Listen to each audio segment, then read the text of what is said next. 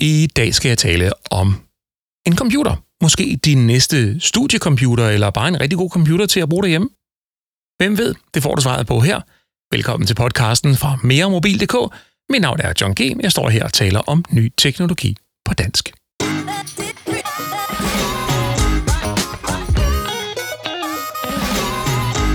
Og de her anmeldelsesepisoder, ja, de udmærker sig ved, at jeg øh, forsøger at fremlægge, hvad jeg sådan har skrevet om et givet produkt på en tidsramme af cirka 5 minutter. Sådan frit efter udkommelsen og uden det store menageri med klip og redigering osv. Så, videre. så det skulle være sådan ret sådan øh, loose og håndholdt. De 5 minutter starter nu. Det handler om MacBook Air, den nye med M2-chip.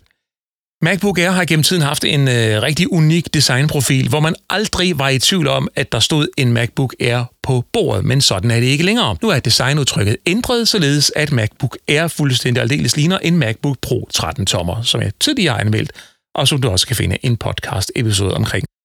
Jeg synes virkelig, det er rigtig, rigtig ærgerligt, når øh, sådan noget som et unikt udtryk fuldstændig fjernes fra et produkt. Øv, øv, øv. Til gengæld så elsker jeg chipsets fra Apple Silicon, Apples processorafdeling. Og i det her tilfælde er det altså M2-chippen. De her chips her, de er bare så meget bedre end Intels computerchips, som Apple tidligere anvendte. Så hvis øh, du øh, øh, køber den her computer, så bliver du særlig glad for øh, lige præcis den her chiptype, fordi de bruger ikke ret meget strøm, og de udvikler ikke ret meget varme, og der er ikke nogen fysisk blæser i computeren, det vil sige, at den er fuldstændig lydløs. Det kan jeg godt lide.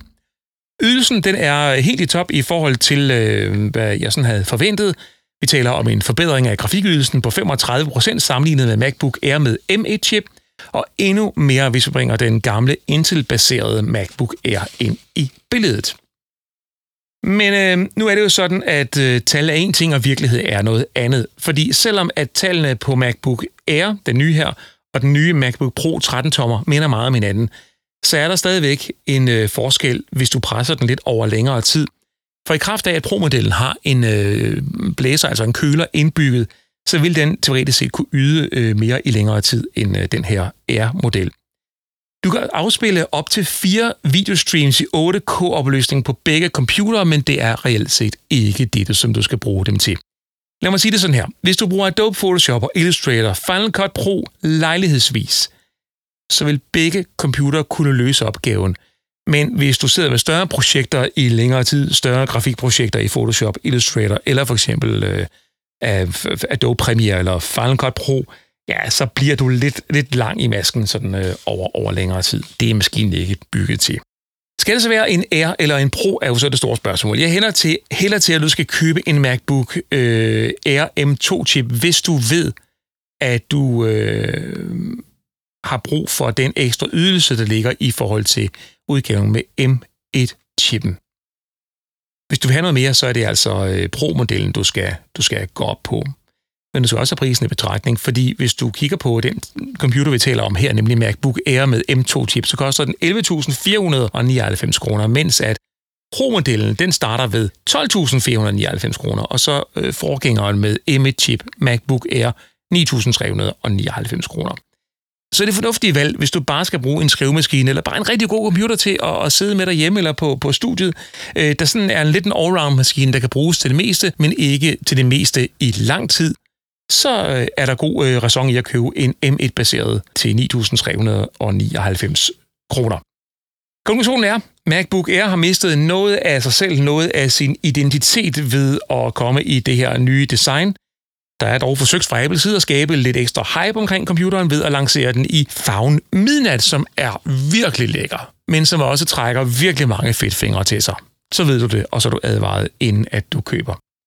Budskabet er, hvis ikke du fik det med fra starten af, du får mest for pengene ved at købe MacBook Air med M1-chip eller MacBook Pro med M2-chip. Til gengæld så får du den fedeste farvemulighed på den her Air-model med midnatsfarven. 5 ud af 6 mulige stjerner. Og så gik de øh, 5 minutter. Lad mig lige her til sidst sige, at øh, hvis du køber øh, den her nye MacBook Air, så får du altså en øh, computer med lang batterilevetid. Du får også MagSafe øh, til opladning. Det er rigtig fedt. Og så kan den forresten også oplades via USB-C-porten. Du behøver ikke bruge MagSafe.